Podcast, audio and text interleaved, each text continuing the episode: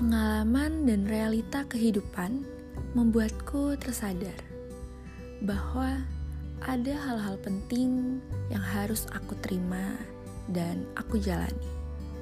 Di sini aku mau sharing apa saja hal-hal itu dan stay tune ya buat dengerin podcast if you wanna know.